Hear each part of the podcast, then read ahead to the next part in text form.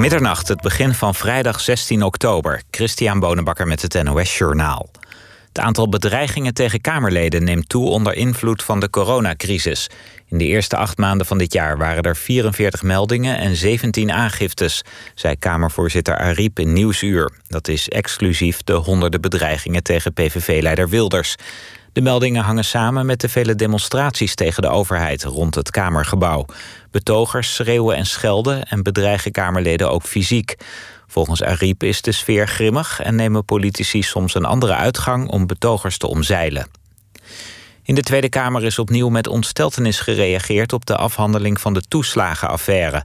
In april was beloofd dat zeker 5000 gedupeerden financiële compensatie zouden krijgen, maar dit jaar worden maar 300 tot 600 mensen geholpen. In dit tempo doen we er 100 jaar over, zei CDA-kamerlid Omtzigt. Staatssecretaris Van Huffelen zegt dat ze bezig is de organisatie te verbeteren en denkt dat de afhandeling volgend jaar sneller gaat. Israël gaat duizenden nieuwe woningen bouwen in nederzettingen op de bezette westelijke Jordaanoever. De plannen voor bijna 5000 nieuwe huizen en appartementen zijn gisteren en vandaag goedgekeurd, zegt de Israëlische actiegroep Peace Now. De bouw is omstreden. Volgens internationaal recht zijn de nederzettingen in Palestijns gebied illegaal. Maar de Israëlische regering voelt zich gesterkt door de Amerikaanse president Trump, die vindt dat Israël de nederzettingen wel mag uitbreiden. In het Brabantse Rijen heeft de politie een illegale pokerruimte gevonden. Die zat verstopt in de kelder van een woning. Agenten hebben drie pokertafels en vier gokkasten in beslag genomen. Ook ontdekten ze dat er werd gesjoemeld met de stroomvoorziening. De Brabantse politie had klachten uit de buurt gekregen. Bij de inval vanavond in Rijen was de pokerkelder niet in gebruik. Er is niemand aangehouden. Het weer. Vannacht blijft het droog. In het binnenland koelt het af tot iets boven het vriespunt. Overdag van tijd tot tijd zon bij een graad of 12. Alleen in het noorden kan wat lichte regen vallen. Dit was het NOS Journaal. NPO Radio 1. VPRO. Nooit meer slapen.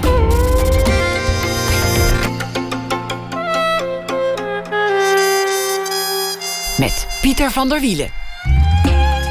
Goedenacht en welkom bij Nooit meer slapen.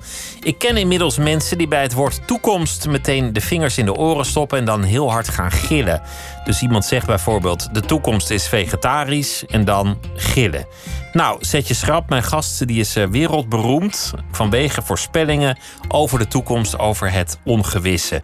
Zij is uh, een uh, trendforecaster. Liedewij Edelkort is hier. Kantoren in New York en Parijs, gevraagd door zo'n beetje alle grote modemerken en anderen voor voorspellingen. Voorspellingen die verder gaan dan blauw wordt het nieuwe paars. Eerder dit jaar bijvoorbeeld voorspelden ze dat corona de harde reset wordt waar velen al lang op hebben gerekend.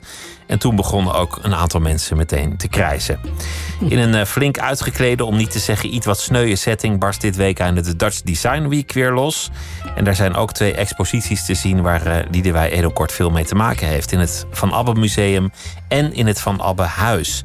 En in dat laatste museum, in dat Van Abbe Huis, toont zij de bibliotheek van haar recent overleden man Anton Beke. Liedewij Edelkort werd geboren in 1950. Liedewij, welkom. Leuk dat je er bent. Fijn hier te zijn.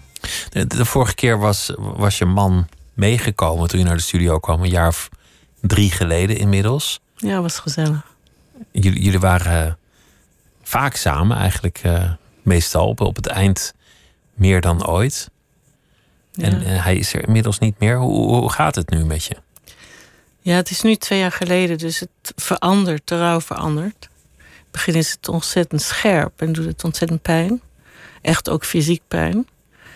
Dan gaat soms je lichaam huilen terwijl je geest nog niet eens weet dat je gaat huilen. Uh, en langzamerhand wordt dat ronder en zachter en warmer. En is, wordt de pijn eigenlijk verplaatst door iets wat meer uh, liefdevoller is, zou je kunnen zeggen. Dus de liefde komt meer naar voren. Liefde na de dood, de liefde die er altijd was, die gaat door. Ja, die wordt belangrijker.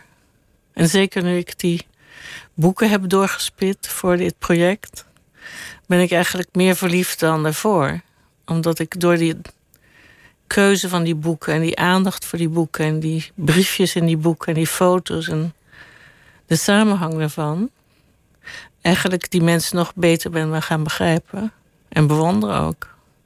Het is zijn enorme bibliotheek die jij ineens tot je beschikking had en, en waar je iets mee kon. En die is nu in te zien daar in Eindhoven. Ja, dat was een gek plan. Ik ontmoette een leuke jonge vrouw, Charlotte Grun, in een cocktail vorig jaar.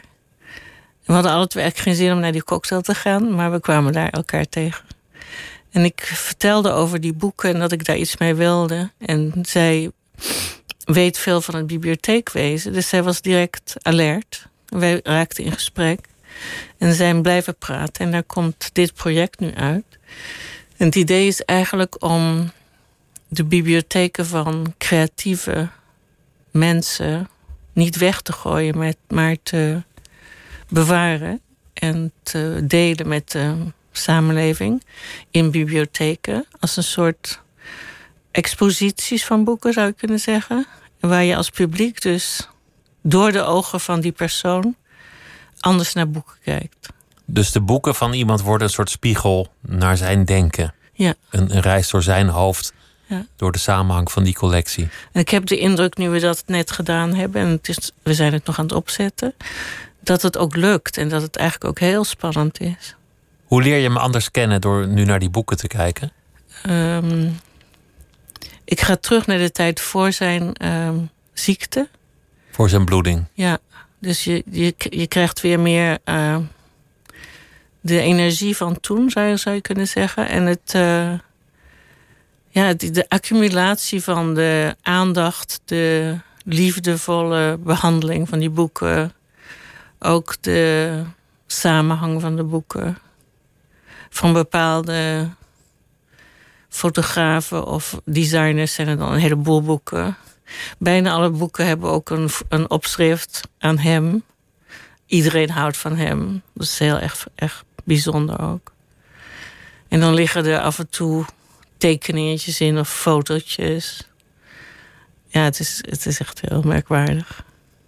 Het is net alsof je door een groot dagboek bladert. Hoe lang zijn jullie samen geweest? 35 jaar. 35 jaar liefde? Maar niet samen. We waren, niet, we waren nooit echt samen, want hij woonde in Amsterdam, ik woonde in Parijs. Maar we waren dus toch veel samen door het jaar heen. Wat, wat blijft er eigenlijk over van, van zoveel jaar liefde, strijd, uh, gevechten, onzekerheden, juist weer de smoor verliefd zijn en, en alles wat jullie hebben meegemaakt? Wat, wat, wat blijft er eigenlijk van achter? Ja, de onzekerheid dat het, dat het wel de absolute juiste weg was. Goed dat het zo gegaan is, ja, dat jullie samen waren. noodzakelijk. Zo, het kon niet anders. Of... Ja, het, uh, het was ontzettend goed. Dus dat is ook heel fijn om dat te bewaren. Ben je nu eenzaam? Ja. ja. Dus je zit het grootste deel van de tijd in Normandië? Nou, dat is nu net nieuw. Dat is dat net ik, nieuw. Dat ik bedacht heb dat ik daar moet zijn omdat het daar heel veilig is. In Parijs is het absoluut onveilig. Qua COVID bedoel je? Ja. Net hoorde ik dat uh, iemand van mijn bureau heeft het. Dan heeft een stagiaire het. Dan heeft de dochter van een andere medewerker het. Dus het gaat heel snel. Dus daar moet je niet zijn nu. Dus dat is een nieuwe plek waar ik even ben. Maar in het begin van de COVID was ik in Zuid-Afrika. Dat was heel fijn. Een hele gekke plek. Met meerdere mensen, wat ook leuk was. Uh, maar ik ben, daar, ik ben daar graag. Het is een heel mooie plek, een heel mooi huis. Dus het is niet, helemaal niet erg. In Normandië bedoel ja, je? Ja. Ik moet altijd denken aan, aan uh, Flaubert, die schreef... Uh, je, je vindt zoveel zon aan de hemel van Normandië... als diamanten in de reet van een varken. dat is niet helemaal waar, want er zijn natuurlijk ook zonnige dagen. Het is daar heel vaak zonnig, gek genoeg. Het is bijna iedere dag een beetje zon. Dat is het leuke van dat klimaat. Is dat er is altijd wolken en er is altijd een beetje regen en altijd een beetje zon. Dus iedere dag is. Um, het, wordt, het klimaat wordt beter. Doordat het warmer wordt. Dus van de zomer was het ook ontzettend druk. Want opeens wordt het de plek waar je moet zijn. Met de stranden en de, de landschappen en alles. Hm. Jouw, jouw werk gaat voor een groot deel ook over gevoel, over intuïtie, over emoties. Juist. En als je in rouw bent, dan ligt daar voor een deel misschien ook wel een soort sluier overheen. Ehm, gek genoeg maakte ik een boek voordat Anton doodging. En dat ging over folklore. Ik wilde dus uitzoeken wat precies de invloed van folklore is op kleding.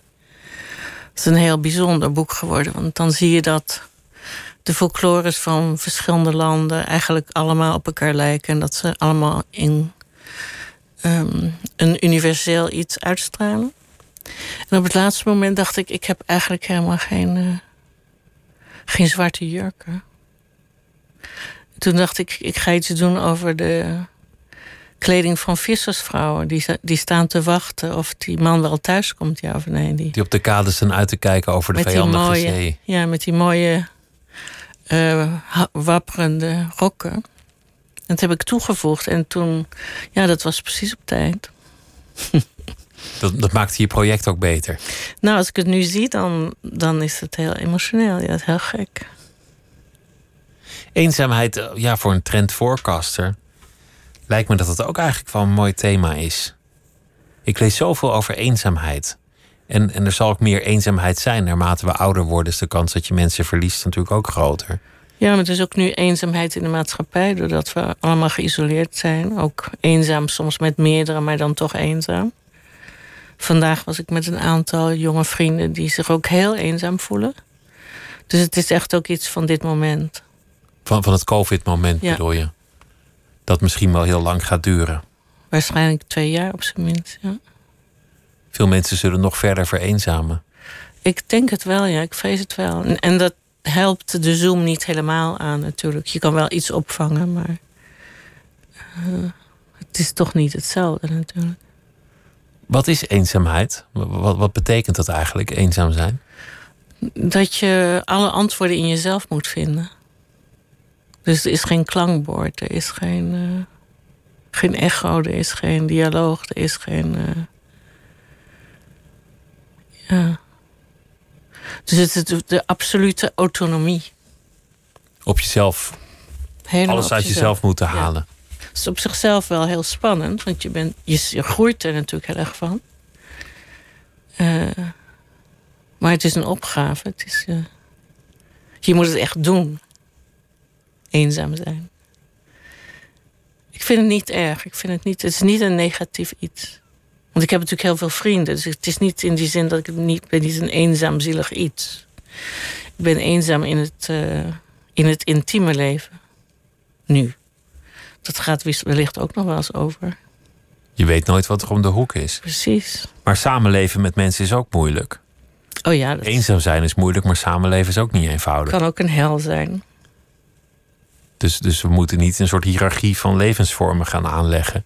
Nee, maar ik vind het gewoon wel interessant. Daarom zeg ik, het is ook niet een hele negatieve ervaring. Het is uh, eigenlijk wel spannend. Maar het, het leuke van een partner is dat je extra ogen hebt. Dus dat je door iemand anders zijn ogen en geest ook, ook kijkt. Waardoor je dus verrijkt wordt. En nu heb je alleen je eigen ogen. Dus je moet je, die moet je dan beter gebruiken. Of je moet je herinneren dat er andere ogen ook nog zijn. Uh, ja, het is, echt een, uh, het is echt een opdracht. Zo zie ik het. Hoe zie jij deze tijd? Want, want aan het begin werd je meteen door een aantal mensen gevraagd naar commentaar, onder meer het programma Tegenlicht. En toen, toen zei je dat dit de reset was waarvan heel veel mensen dachten dat, dat die wel een keer zou komen. Die coronacrisis. Ja. Veel mensen waren daar heel boos over. Want die, die misinterpreteerden dat alsof je er blij mee was. Met, met die corona. Ik was in het begin ook heel blij, want ik vond het heerlijk om even helemaal niks te doen.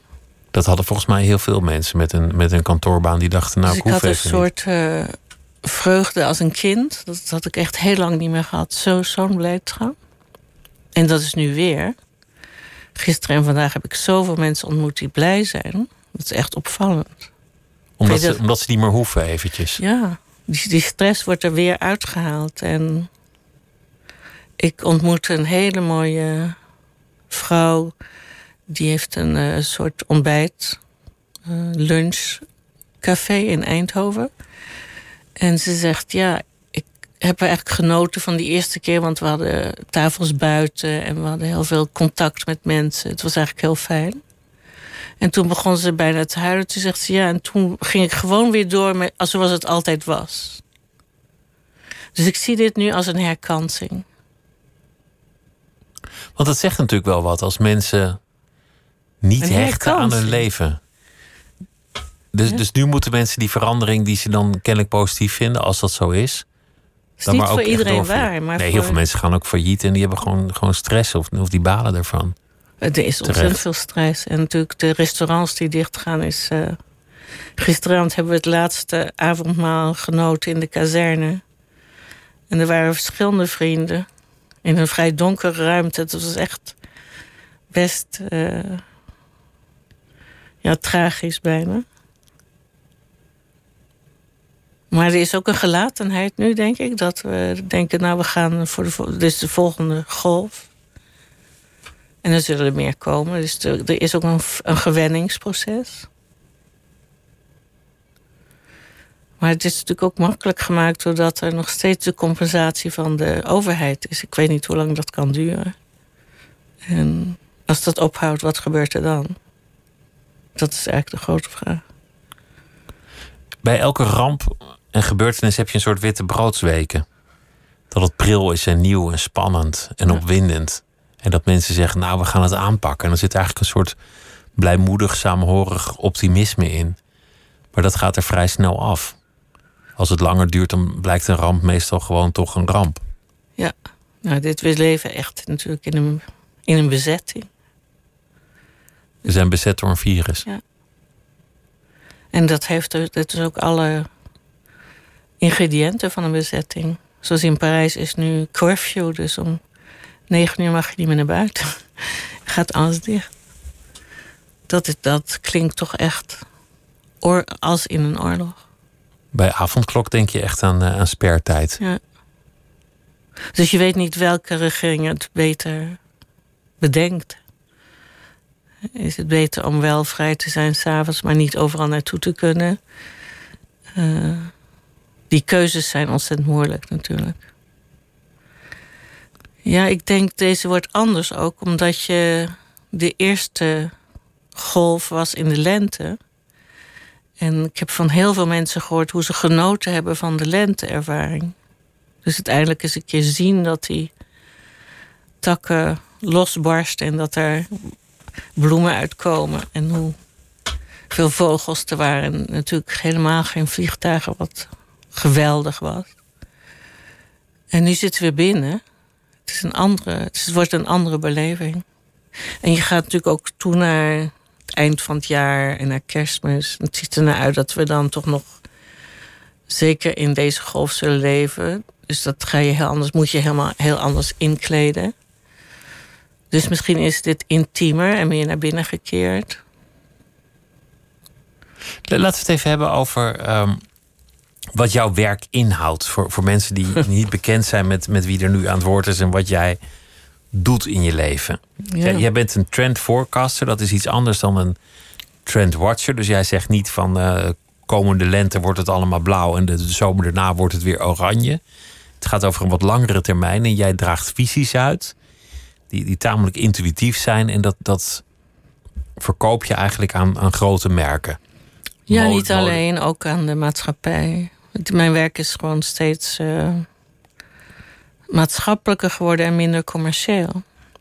Weg van de mode en de automerken en meer naar de, de samenleving toe. Ja, zelfs al is het met mode of auto, dan gaat het toch over nieuwe principes.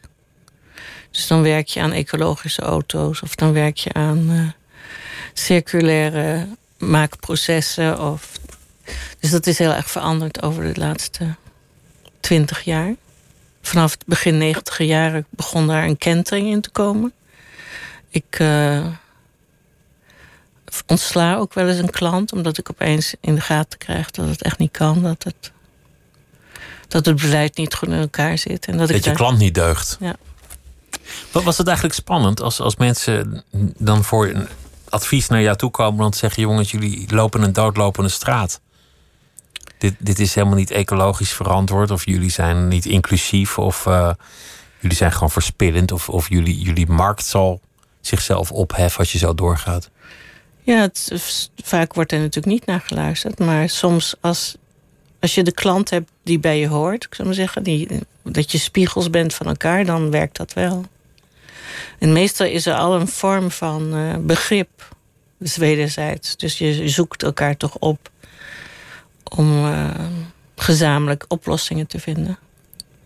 Maar dat betekent dus dat mijn werk heel, heel anders is geworden. En mijn uh, boeken ook anders zijn geworden. Mijn, zelfs mijn kleuren anders zijn geworden. Ik probeer zo min mogelijk kleuren te maken, bijvoorbeeld. Terwijl toen ik begon was natuurlijk het idee dat je zoveel mogelijk kleuren zou maken. En dus je, je probeert het hele proces te stroomlijnen. En af en toe krijg je hele leuke opdrachten die op de lange termijn zijn, waardoor je kan nadenken over 2050 of langer. Dat vind ik altijd de leukste opdrachten, want dan moet je je echt in de toekomst gooien. En, uh, het, gaat, het gaat vaak over wezenlijke vragen. Wat is productie? Wat is consumptie? Ja. Wat zijn materialen? Ja, wat, nu wat moet ik bijvoorbeeld nadenken over, over robots in, in Japan. Voor 2050 ongeveer. Ja, dat is een heel spannend. Daar moet ik echt lang en goed over nadenken. En moet ik ook veel over lezen en meer over weten. En ook met mensen in Japan praten. Maar dat, ja, dan gaat mijn fantasie wel op hol. Dus dat vind ik een ontzettend leuk onderwerp natuurlijk. En tegelijkertijd moet je daar ook weer proberen een halt in te bouwen. Dat het niet noodzakelijkerwijs iedereen zijn eigen robot hoeft te hebben. Dat je die zou kunnen delen enzovoort. Dus dat je daar ook alweer een sociaal proces in probeert te ontdekken. Maar af en toe komt er dus een hele leuke vraag binnen. Wat betekent robotica voor onze samenleving of voor ons bedrijf? Of? In, het, in, in Japan met name is het een, uh, een methode om de vergrijzing uh, te helpen. Want er is te weinig hulp in de verpleeghuizen enzovoort. En ook in de eigen behuizing van de mens. En er is grote eenzaamheid ook in Japan. Dus daar worden die robots ook soms voor gebruikt. Voor een knuffel en aanspraak. Ja. Daar is nog niet genoeg volgens mij research over. Ik denk dat het heel goed zou zijn om robots te hebben die echt uh, iemand een compliment geven of een dansje maken met, met je. Of die gewoon een soort, bijna een soort meer bevriende robots. Maar zover ben ik nog niet hoor. Ik ben net begonnen met denken. Je, je hebt het al een tijd over een, een, een, reset. We zijn op een, op een weg geslagen die misschien op lange termijn niet goed is. Dat en, is zeker dat dat zo is. Ja. En dat sluit een beetje aan wat je, wat je zei over de mevrouw die je vanochtend ontmoette in Eindhoven bij dat koffietentje die eigenlijk gelukkig is als er een ramp gebeurt, omdat ze tot stilstand wordt gedwongen. En daarna tot haar eigen schrik weer doorgaat op de weg die haar niet gelukkig maakte, kennelijk. Ja. En nu een tweede kans krijgt. waarom is corona positief, als je het zo moet noemen? Want, want volgens mij is corona bij uitstek niet positief. En dat zul jij ongetwijfeld met me eens zijn. Maar, het is absoluut negatief. Maar, maar waarom is het toch een soort, soort kans of moment dat dat moest komen? Um, om, omdat we als maatschappij, maar ook als individu, um, niet meer van de tredmolen af konden komen. En maar doorrenden en meer en meer deden. En meer en meer maken, meer en meer werken, meer en meer vermoeid zijn. En meer en meer verwijderd veranderen. En meer en meer en meer en meer. En op een gegeven moment uh, loopt dat spaak. Als maatschappij loopt het spaak voor het, voor de, voor het milieu. Want je kan je niet voorstellen het aantal kleren die te veel gemaakt zijn. Het is onvoorstelbaar de hoeveelheid goederen die gemaakt worden. Vier collecties per jaar, misschien eigenlijk als je de tussencollecties meerekent, zes. Zes collecties per jaar die niet allemaal verkocht worden, maar je zou je eigen markt vernielen door ze. Sterker nog, waar bijna niks van verkocht worden in verhouding. En dat is het rare met al die data waarvan men zegt dat we daardoor alles kunnen voorspellen. Dat is dus niet waar in dit geval, want er worden biljoenen kleren verbrand en begraven, stiekem. En nu natuurlijk wordt er weinig verkocht, dus er is nu nog veel meer. En dat, zijn kleren die, die met schade voor milieu en mensen zijn gemaakt. Ja. Vaak in lage lonenlanden. De, de industrie heeft zich al wel vaak Ja, dus je uitgesproken. moet je maar voorstellen, het karma van die persoon die al die kleren heeft zitten maken. Om het in een kuil te zien eindigen. Ja. Ik weet niet of, of diegenen daar dan nog mee zitten, maar Nou, Ze die- zijn mishandeld. ze lezen er natuurlijk wel over. En het is niet zo lang geleden dat iemand een briefje had achtergelaten in een zak van een jasje. Eh, waarin gezegd werd: Ja, je hebt hier veel voor betaald, maar ik heb er niets voor gekregen. En eh, dat was een soort hele kleine noodkreet. En daar leven we mee, met die, met die realiteit. En er wordt nu is er echt een kentering. Je ziet dat nu alle bedrijven zich willen verenigen om toch verandering te brengen. Maar vaak is het op de lange termijn. Dus dan zeggen ze in 2030 willen we dit bereiken. En, eh, dus dat gaat nog lang duren. gaat corona dat niet juist vertragen? Omdat crisis meestal zorgt dat mensen gaan klampen aan wat ze hadden en juist niet dingen willen innoveren. Nou, er is die nieuwe generatie die het gewoon niet meer wil. Ik heb net een groot tijdschrift gemaakt van alle graduates van, in textiel in de wereld. Want die hebben geen podium gehad dit jaar. Die zijn in lockdown gegaan met hun textiel. En die hebben zich dus, eh, ja, die hebben alles moeten omkeren, alles moeten veranderen, alles moeten aanpassen. Heel flexibel moeten zijn, ongelooflijk inventief. En dat waren ze. En ik heb zelf alle stukjes geschreven van die 80 ehm oud-studenten. En er is dus niet één die niet zegt dat het gaat over duurzaamheid, verandering van de maatschappij, ver- verlangzaming. Eh, het textiel maken wordt gezien als helend. Eh, vaak zijn ze bijvoorbeeld naar, de, naar hun ouders teruggegaan of, of, of ergens op een boerderij gaan wonen. En dan maken ze alle textiel met de middelen die ze daar vinden. En dan maken ze kleurstoffen uit het fruit. En dan maken ze eh, weefgetouwen uit de, uit de boomtakken. En, dus dan gaan ze helemaal terug naar af. Dus het was heel erg mooi om dat te beschrijven en te lezen vooral. Eh, Is dat er was er niet één. Er was er niet één meer die zomaar iets maakte voor het mooi. Maar er waren echt mooie dingen. Het, het had diepere betekenissen gekregen. Absoluut, ja. Absoluut geëngageerd. Dus dat geeft hoop, want ik, het is echt een nieuwe generatie. Die gaan, die gaan niet meer terug. Vanaf de generatie 2020 verandert alles. We krijgen andere perspectieven. Groei wordt niet meer het belangrijkste. Groei, innerlijke groei, menselijke groei, samen, samenhorigheid, saamhorigheid, groei in saamhorigheid. Dat zijn de zaken waar, waar nu die, die jonge mensen over denken. En dat is, denk ik, universeel in de hele wereld. Want dit waren studenten van uit eh, Azië, uit Amerika, uit Afrika, uit Europa. Die gaan de verandering brengen. Ja.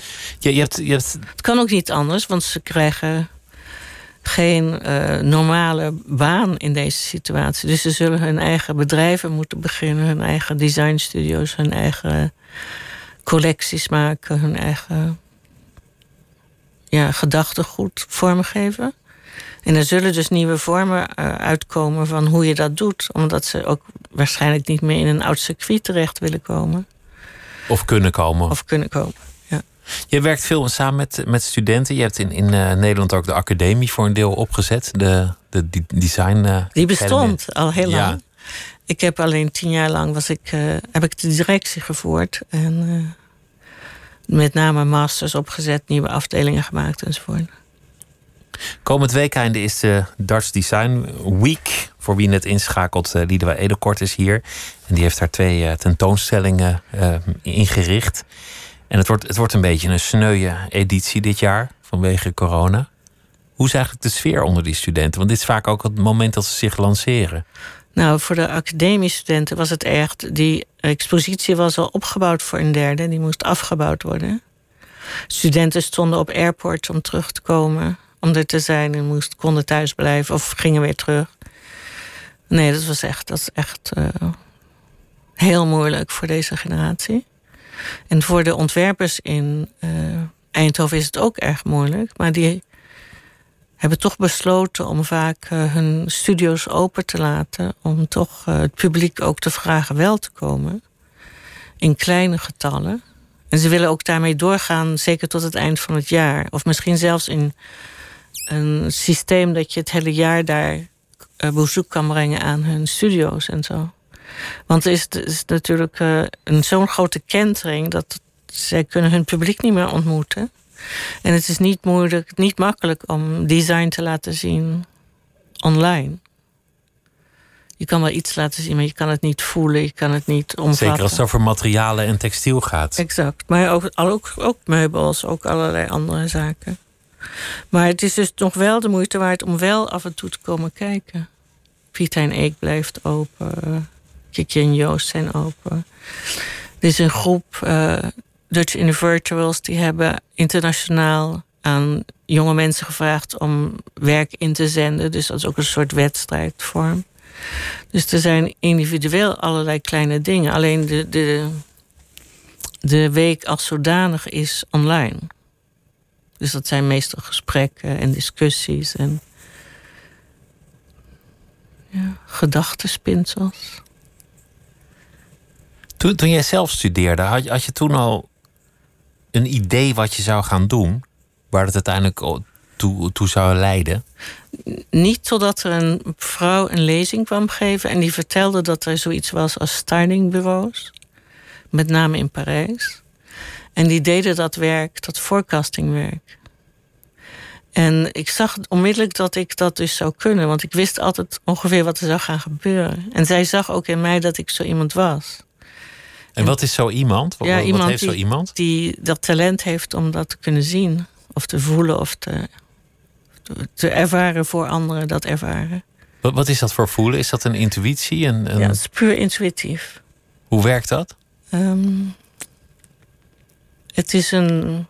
Ik, ja, het is het. Je, je ontmoet fragmenten van informatie die er al zijn, kleine dingen die er al zijn. En als er dan genoeg van die fragmentjes zijn, dan komt er opeens een beeld. En dan begin je te begrijpen dat er een verandering gaande is.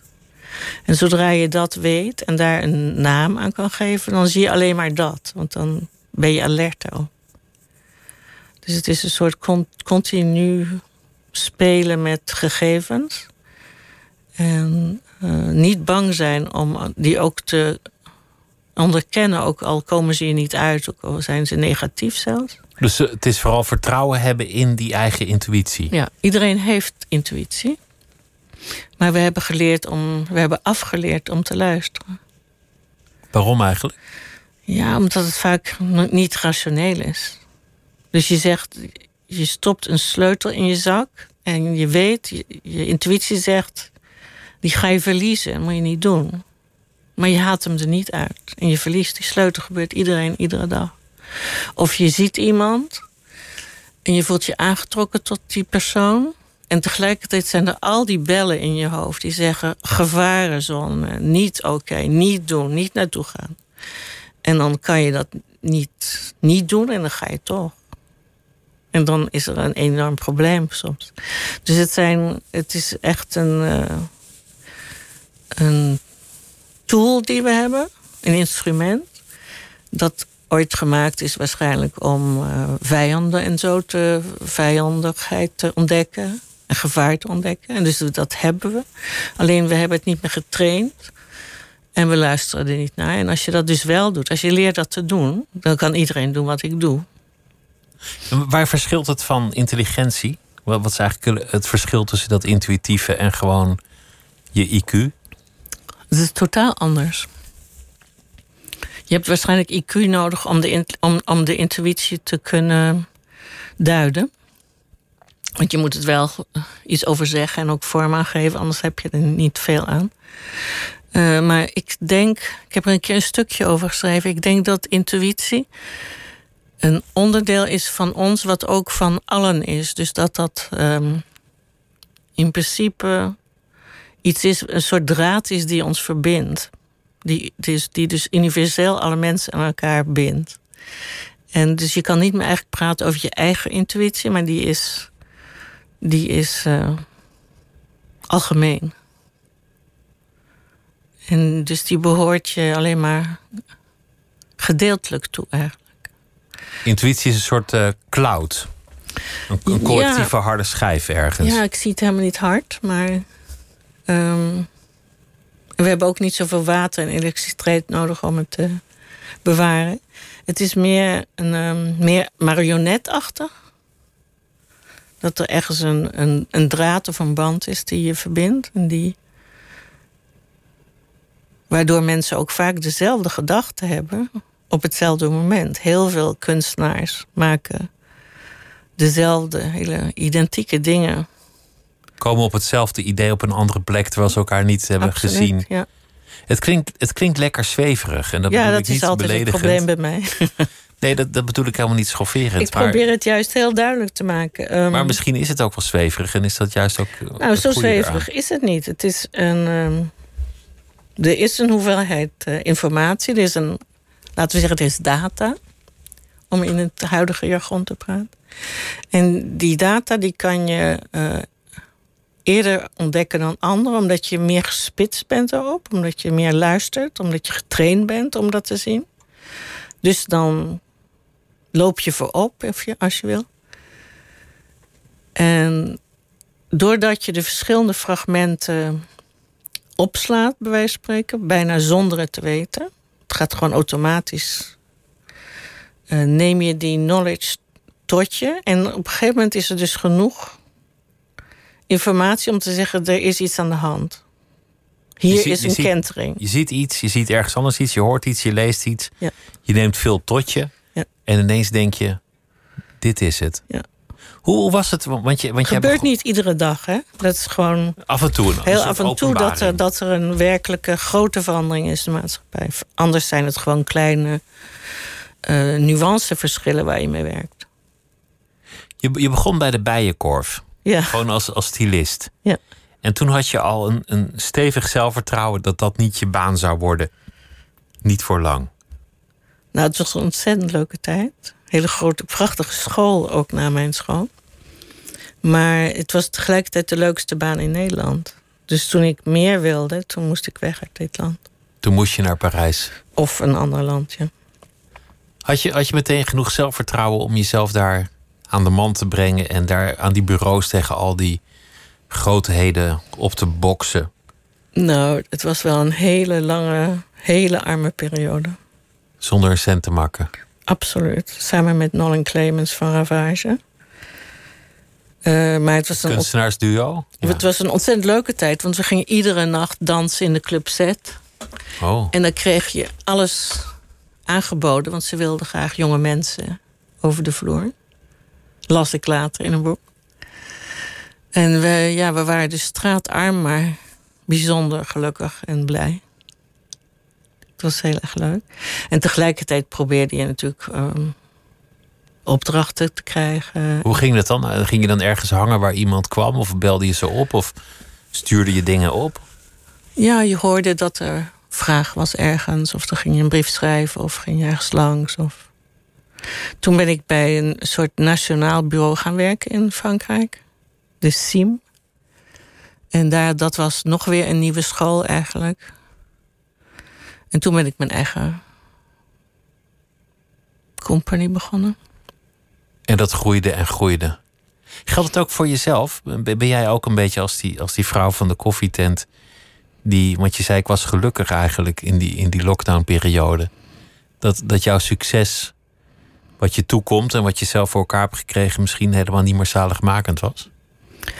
Nou, dat is al een post dat dat niet meer zalig maakt.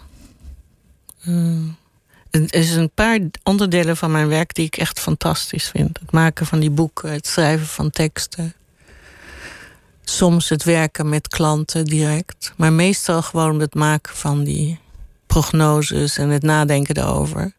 Dus ik zou best alleen maar dat willen doen eigenlijk. Maar dat kan natuurlijk nooit, want er zit altijd een soort managementproblemen aan vast. Maar dat, de- je- dat je ook een winkel moet runnen eigenlijk. ja, dat doe ik minder en minder.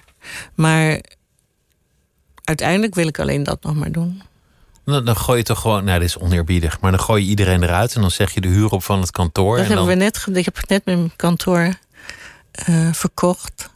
Het gebouw. Dat was ongelooflijk kostbaar. En dat kan niet meer betaald worden in deze periode. En dat is eh, melodramatisch. Want dan gooi je 30 jaar dossiers weg en zo. Dat, dat was heftig het is iets waar je hard aan hebt gebouwd om het voor elkaar te krijgen. Ja, iedereen was bijzonder overstuur. Maar we, nu zijn we lekker licht. Dat is ook. Ver, verlichting wordt, wordt vaak gezien als verlichting dat je een lampje aandoet. Maar verlichting zou ook kunnen betekenen dat je dingen lichter maakt. Ja, absoluut. En dat eh, als zodra dat gevoel er komt. En dat kwam ook door de laatste jaren dat ik overal werk waar ik ben. Dus vroeger ging ik terug om te werken. En dan ging ik weer reizen en dan ging ik weer terug om te werken. En een dag heb ik gewoon besloten om dat werk altijd mee te nemen. Dus ik ben altijd aan het werk. Maar daardoor hoef ik niet zo hard te werken als ik, als ik terug ben. Het is gewoon een, een Nomadisch werken. ja. En dat brengt al op zichzelf die eh, enorme verlichting. Dat je niet terug hoeft te gaan snel om iets te doen. Je, je kan het gewoon doen waar je bent. Je kan het doen op welk uur. In de nacht of in de ochtend. En die vrijheid is heel belangrijk. Dus die vrijheid om je werk zo in te richten dat, je, dat het bij je leven past. Dat, dat is iets dat ik steeds meer zie. Mensen die niet meer een, een kantoor willen of een vaste werkplek, maar die. Het hoeft nu ook niet meer. We hebben nu gezien dat we met die laptop bijna alles kunnen doen. En we, ik heb nu dus een seizoen achter de rug dat ik eh, grote groepen mensen spreek via Zoom. En het is heel eenzaam weer, omdat je, je bent alleen met het scherm en je ziet dus niet wat gebeurt in je zaal. Soms zie je een paar portretten, maar je weet niet echt hoe het ontvangen wordt. Maar het is wel heel grappig dat opeens staat er dan in de chatbox: Hi from India. Of dan zie je opeens een klein eh, fotootje van drie mensen in Korea die zitten te luisteren en die elkaar aanstoten en zeggen: Ja, zie je wel, ik had het wel tegen je gezegd enzovoort. Dus je bent opeens eh, niet meer met je gewone groep bekende mensen en klanten en vrienden. Maar opeens zijn, haken allerlei andere mensen aan. Dus het is een, het is een heel bijzonder iets. Ik heb nu ook allemaal eh, ontmoetingen met mensen die ik nog nooit heb leren kennen. En dan ontstaat er een eh, e-mailwisseling. Dus ik heb een soort mailpals. En die geven dan mij weer een beeld op Instagram. Het is heel, het is heel vreemd. Dus je hebt allerlei... Maar heft dat eenzaamheid op? Het is een andere vorm van communicatie. Ik vind het wel heel erg leuk. Ja. Als je zo intuïtief bent en, en daar zo goed naar luistert en dat serieus neemt, heb je dan ook aanleg voor depressie? Ik heb een depressie gehad. Die heeft twee jaar geduurd. Wanneer was dat? Dat was nadat Anton zijn stroke had. Dus tien jaar geleden Ja. ongeveer. Dat was heftig. Want het, wat het doet is dat je lichaam dus niet reageert. Je krijgt geen cadeau meer van je lichaam. Dus als je iets goed doet, normaliter, dan word je daar heel gelukkig van, even. Ook al is het maar even. Even een soort shotje Ja. blije stofjes. Ja, en dat gebeurt niet meer. En je, je, je ziet wel dat er applaus is, of dat er gelachen wordt, of dat dat er plezier is. Maar je, je, kan, je kan het niet voelen. En ja, op een gegeven moment is er dan geen doel. Lijkt me in jouw werk heel moeilijk, want je moet toch een soort zin hebben in de toekomst. Je moet toch rijken naar die toekomst. Ja, dat is het gekke van mijn vak, is dat het niks met jezelf te maken heeft. Het staat buiten jezelf. Totaal. Ja. Het is niet emotioneel. Ik doe het niet. Ik denk niet over mezelf. Ik- het gaat niet over mij. Het is niet over hoe ik me kleed of hoe ik leef. Als het mijn kant op komt, toevallig, dan ben ik wel heel blij. Dan vind ik het leuker. Maar dat is, dat is niet relevant. Eigenlijk heb je dan al een beetje van de rouw om Anton gehad, tien jaar geleden.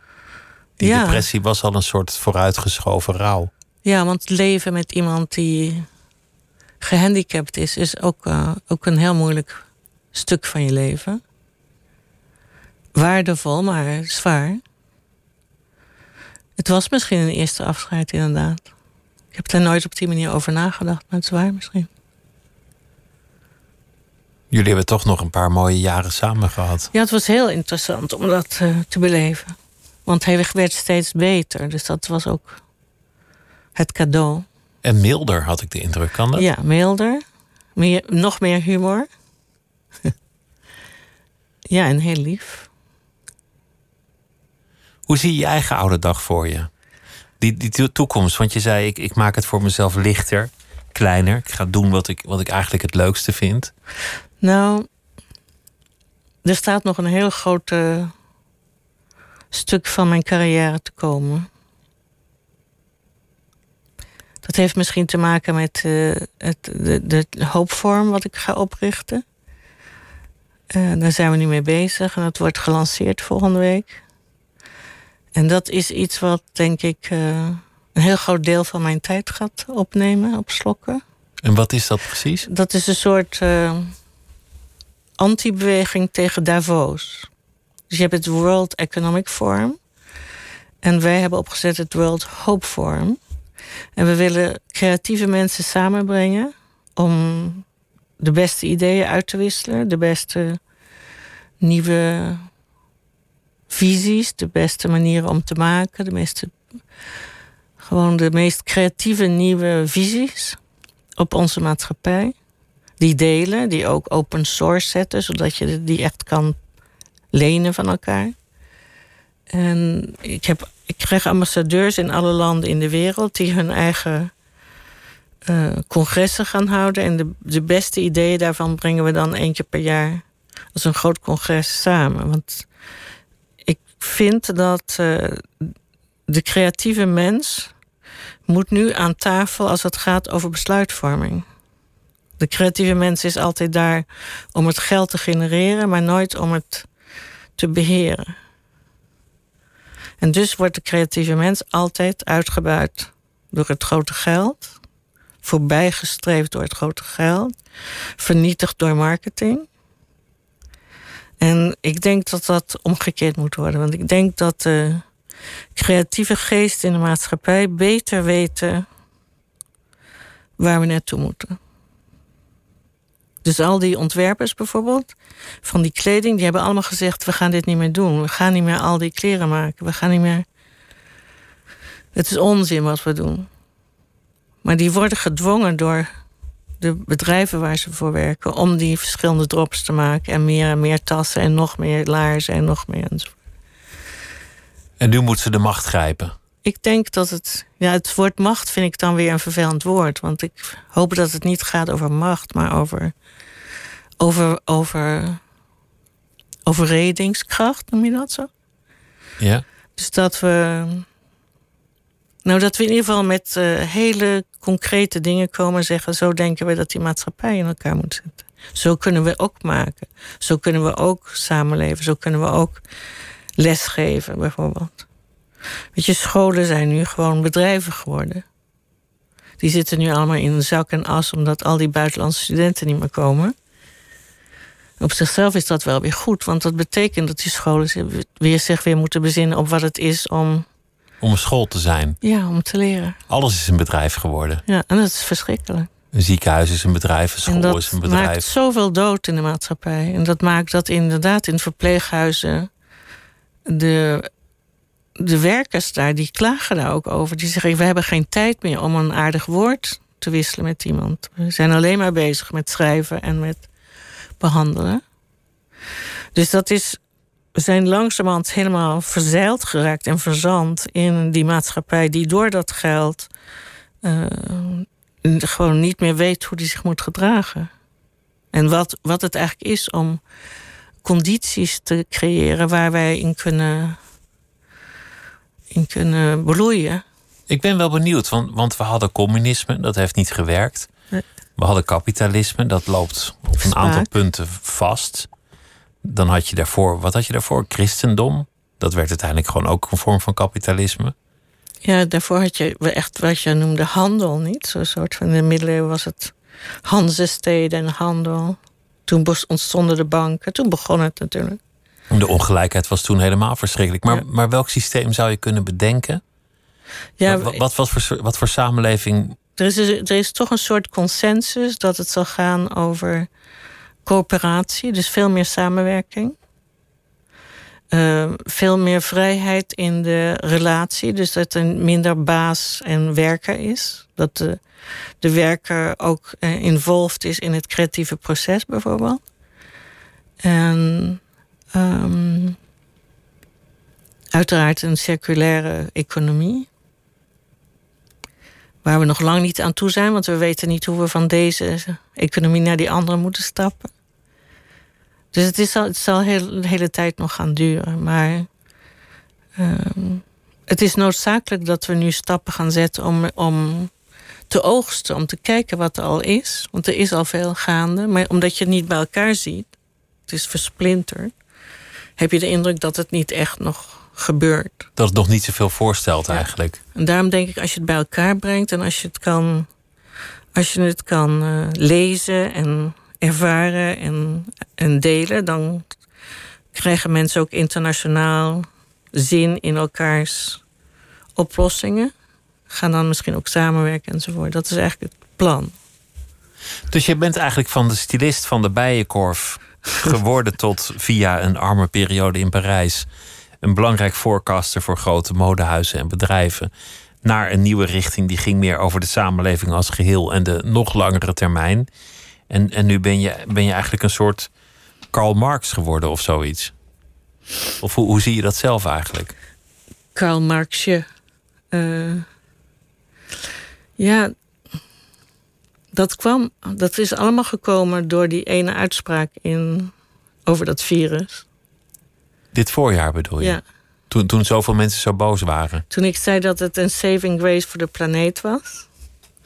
En toen heeft die zin uh, gezegd: Wil je daarop reageren in een interview? Want er wordt veel over gepraat en gespeculeerd. Ik zeg goed. Dus we hebben dat interview geschreven, gemaakt. En dat is nu door een miljoen mensen gelezen. Dus heel vreemd voor een interview.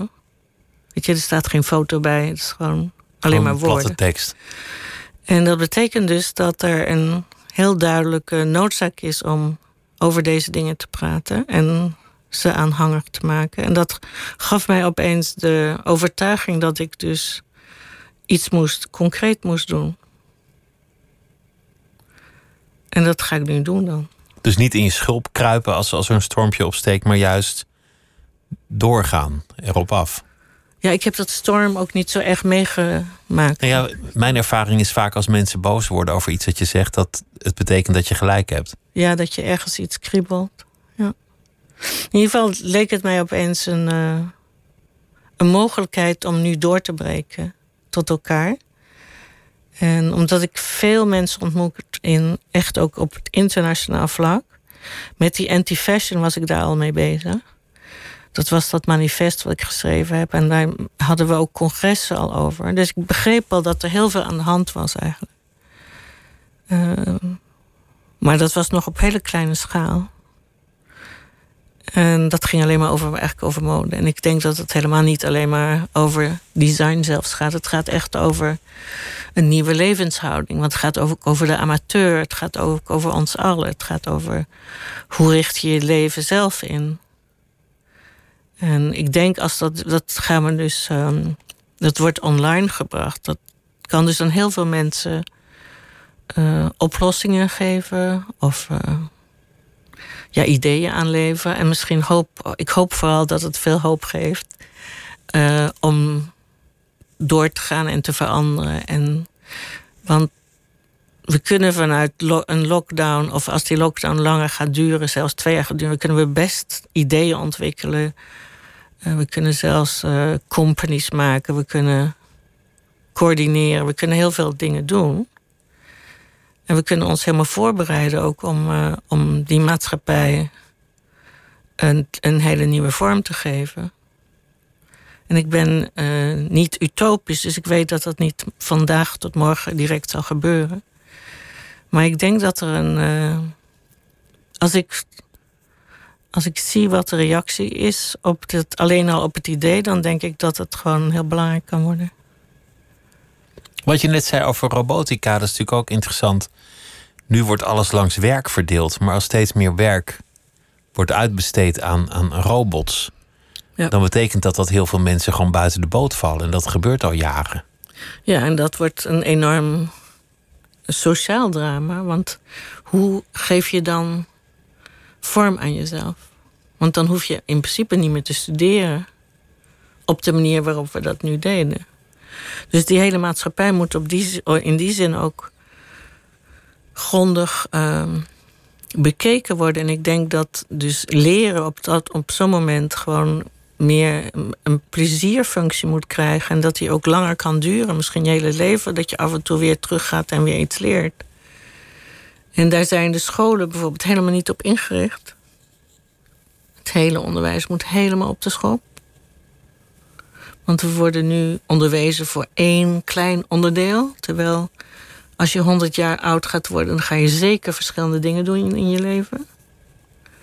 En ga je misschien ook in verschillende plekken wonen. Dus dan kan je niet zomaar opgeleid zijn in één ding. Je moet vanaf het begin begrijpen dat er verschillende aspecten zijn waar je mee te maken krijgt. Dus ja. Het is mooi dat je zegt dat het mooiste nog komt. En ook mooi dat je eerder zei: er komt misschien nog wel een grote liefde. Dat kan je nog niet zeggen. En dat je zei: het belangrijkste deel van mijn carrière ligt voor me, niet achter me. Ja. Er spreekt een enorm optimisme en, en vertrouwen uit. Ja, ik, ben, ik heb vertrouwen in ons, in de mens. In de mensheid. Ja. Dat klinkt heel raar, natuurlijk met de verkiezingen in Amerika en nou, met, met de hele kast vol geschiedenisboeken die, die toch tot weinig vertrouwen aanleiding geven. Nou ja, er zijn natuurlijk ook hele interessante periodes geweest. En mooie dingen gebeurd. Ja, ik ben geboren in 50. Ik heb gewoon een, heel, een heleboel decennia gewoon fantastisch gehad. Dus ik weet dat het. Dat het kan. Dat het mooi kan zijn en dat je ook heel veel kan doen met minder. Omdat ik in de naoorlogsperiode geboren ben met niks, dat was natuurlijk het grote cadeau van mijn leven. Daardoor weet ik hoe creatief je kan zijn als je weinig hebt. En hoe gelukkig je kan zijn als je weinig hebt. En hoe ongelukkig je kan worden naarmate je meer krijgt en meer beslommeringen hebt en moet zorgen voor al die dingen. En bijvoorbeeld in de lockdown had ik alleen maar een tas met een paar jurken. Daar reis ik nu nog steeds mee rond, want ik ben nog steeds niet terug geweest in Parijs. En dan ben ik zo blij met die, met die kledingstukken, want die hebben zo goed mij geholpen. Die waren zo goed voor mij. Dat ik heb nooit ervaren dat kleding zo, zoveel voor je kon doen, eigenlijk. Omdat je daar nooit tijd voor had om erover na te denken. Dus er zijn heel veel nieuwe ervaringen die opeens bepalen dat je heel anders na gaat denken over waar je je mee omringt, hoe je kookt, hoe je vriendschappen beleeft, hoe je. Dat, vond ik, dat vind ik echt de grote benefit. Aandacht. Aandacht voor dingen. Heel simpel eigenlijk. Ik wens je veel succes, ook uh, komend weekende in Eindhoven en uh, terug in Normandië. Dank je. Waar uh, wellicht ook nog wel een lockdown weer uh, aan zit te komen. We zien allemaal wel. Liedewij Edelkort, dank je wel dat je langs wilde komen. En uh, heel veel succes met alles dat op je pad gaat komen. Dank je wel. Zometeen op NPO Radio 1 uh, kunt u luisteren naar uh, Miss Podcast met Misha Blok. En uh, morgen is Nooit meer slapen er weer. En dan zit hier Atze de Vriezen. En u kunt ook de podcast van Nooit meer slapen downloaden via de site van de VPRO, vpro.nl slash Nooit meer slapen. Of via alle kanalen van podcast luisterend Nederland. U kent ze vast wel. En morgen is de gast Gerard-Jan Reinders, regisseur, auteur en acteur. Ik wens iedereen een hele goede nacht.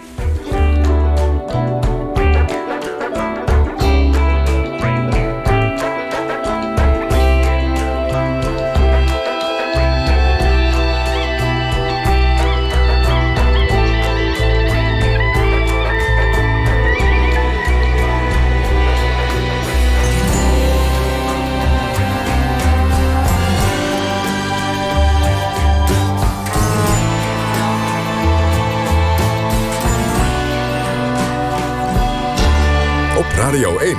Het nieuws van alle kanten.